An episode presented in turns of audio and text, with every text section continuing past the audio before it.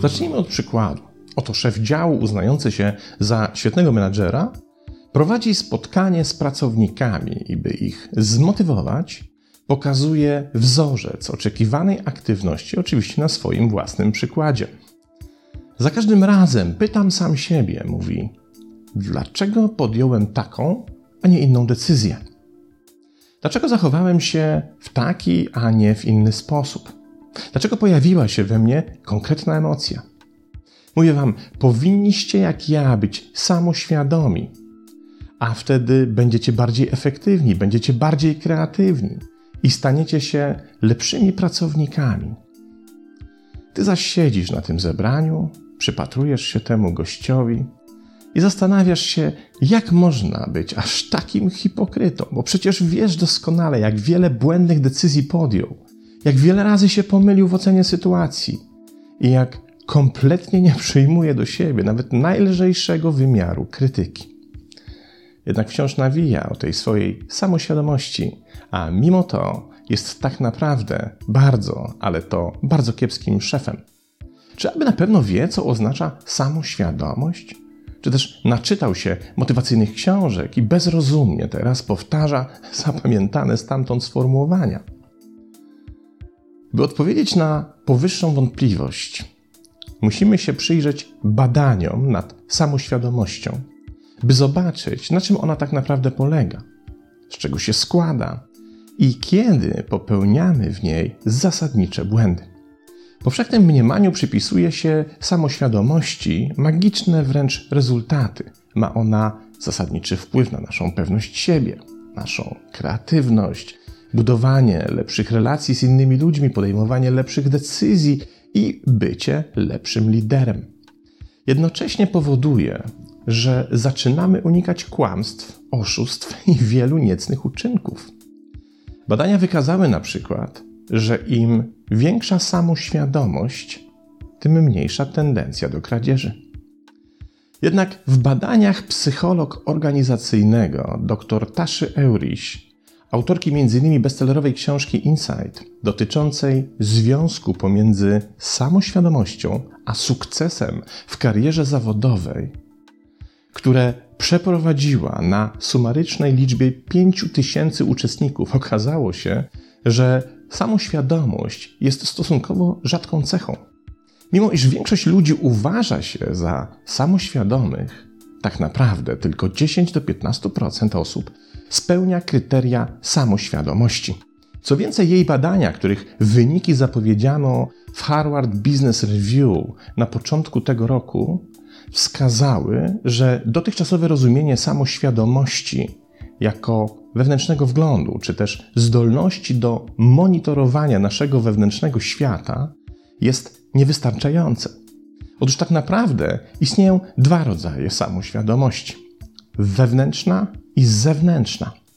Pierwsza dotyczy naszej zdolności widzenia własnych wartości, pasji, aspiracji i reakcji, w tym zachowań, emocji i naszych mocnych i słabych stron, oraz rzeczywistego wpływu, jaki wywieramy na innych.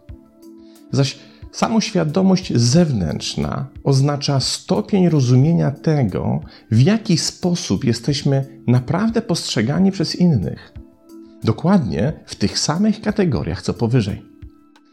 Wydaje się, że obie te świadomości będą szły ze sobą w parze.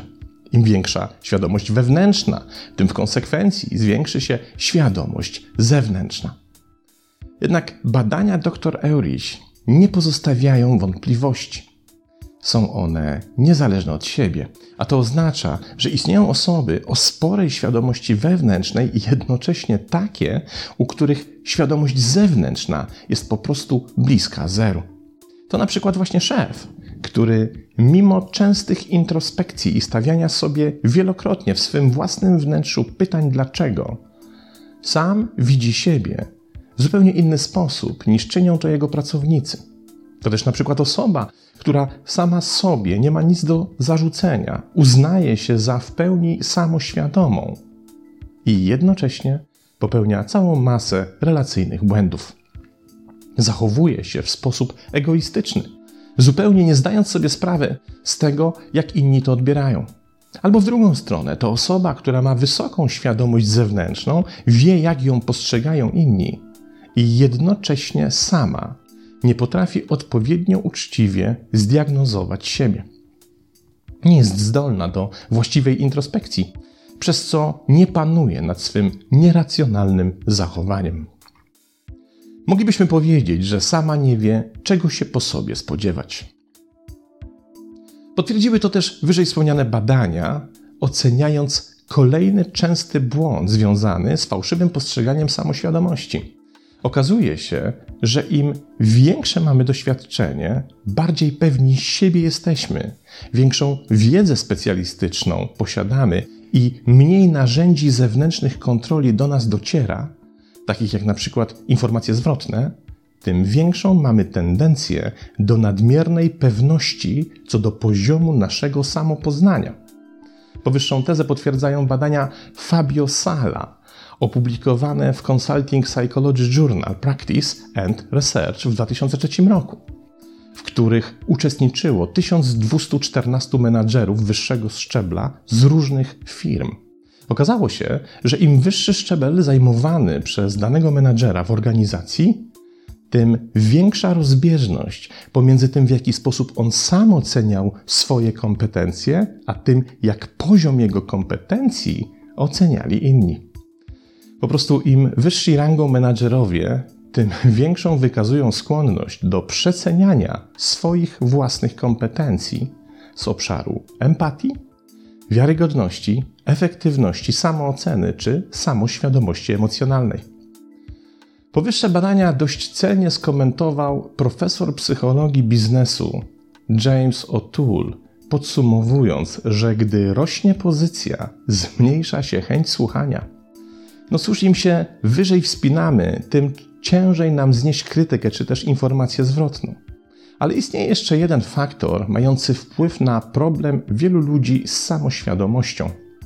Ten faktor ukryty jest w pytaniu dlaczego które w procesie własnej introspekcji tak często sobie stawiamy. Wspomniane na początku badania dr Eurich i tutaj przyniosły dość znaczący wniosek. Otóż okazuje się, że wielu ludzi oddając się własnemu wewnętrznemu wglądowi, czyni to po prostu mało poprawnie. Kiedy bowiem próbują zrozumieć swoje własne emocje, reakcje czy decyzje, zadają sobie pytanie dlaczego? Dlaczego to poczułem? Dlaczego tak zareagowałem?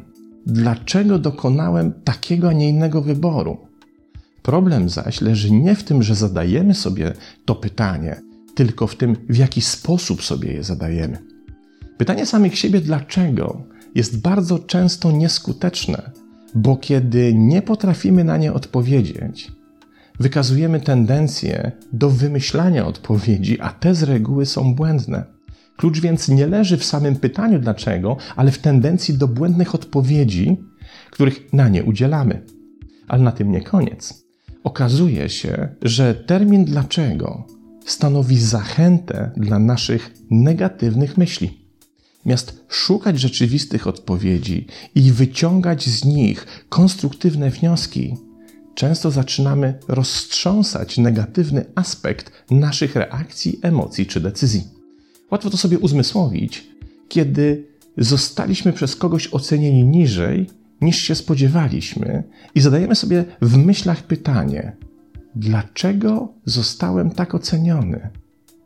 Samo to pytanie będzie nas nakłaniało do negatywnych i przy okazji kompletnie bezproduktywnych myśli w stylu: A może rzeczywiście jestem kiepski? A może nie potrafię, nie zasługuję i tak dalej i tym podobne. Wówczas pojawia się niepokój, przygnębienie, a w najlepszym wypadku znaczne pogorszenie nastroju.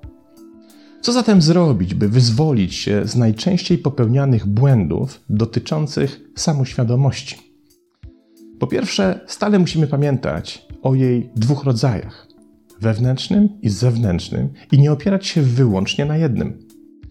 Zawsze należy uczciwie przed samym sobą konfrontować informacje, które płyną do nas z ich obu.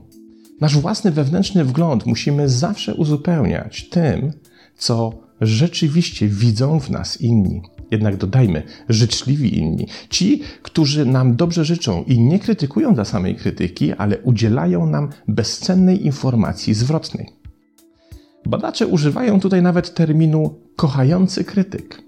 To ktoś, kto ma na względzie nasze najlepsze interesy i zawsze jest gotowy, niezależnie od okoliczności, powiedzieć nam prawdę. To ktoś, kto nie siedzi bezczynnie, kiedy w restauracji sos obficie cieknie nam po brodzie, wywołując jednocześnie zażenowanie i radochę u innych biesiadników. Bo to ktoś, komu zależy na tym, byśmy dobrze wypadli, dobrze się zaprezentowali, kto nas ceni i lubi. Jeden kochający krytyk jest dla nas dużo cenniejszy niż dziesięciu klakierów. Po drugie, im wyżej się wspinamy na stratyfikacyjnej życiowej ścieżce sukcesu czy zawodowej kariery, tym większa samoświadoma czujność powinna tej wspinaczce towarzyszyć. Wówczas bowiem wykazujemy tendencję do przeceniania własnych kompetencji. A to jest nie tylko destrukcyjne dla ludzi, którzy stoją niżej w hierarchii, ale też, a może przede wszystkim, dla nas samych. Stąd już tylko krok do samouwielbienia, narcyzmu i braku odporności na najmniejszą krytykę. I tutaj po raz kolejny kochający krytyk jest dla nas bezcennym darem. Nawet jeśli jego szczerość trochę nam zepsuła znakomite samopoczucie. I wreszcie po trzecie, na wszelki wypadek unikajmy stawiania sobie pytań dlaczego. I zastępujmy je pytaniami co oraz jak. Zamiast więc pytać, dlaczego tak nisko mnie oceniono, zapytajmy, co zrobić następnym razem, by otrzymać wyższą notę.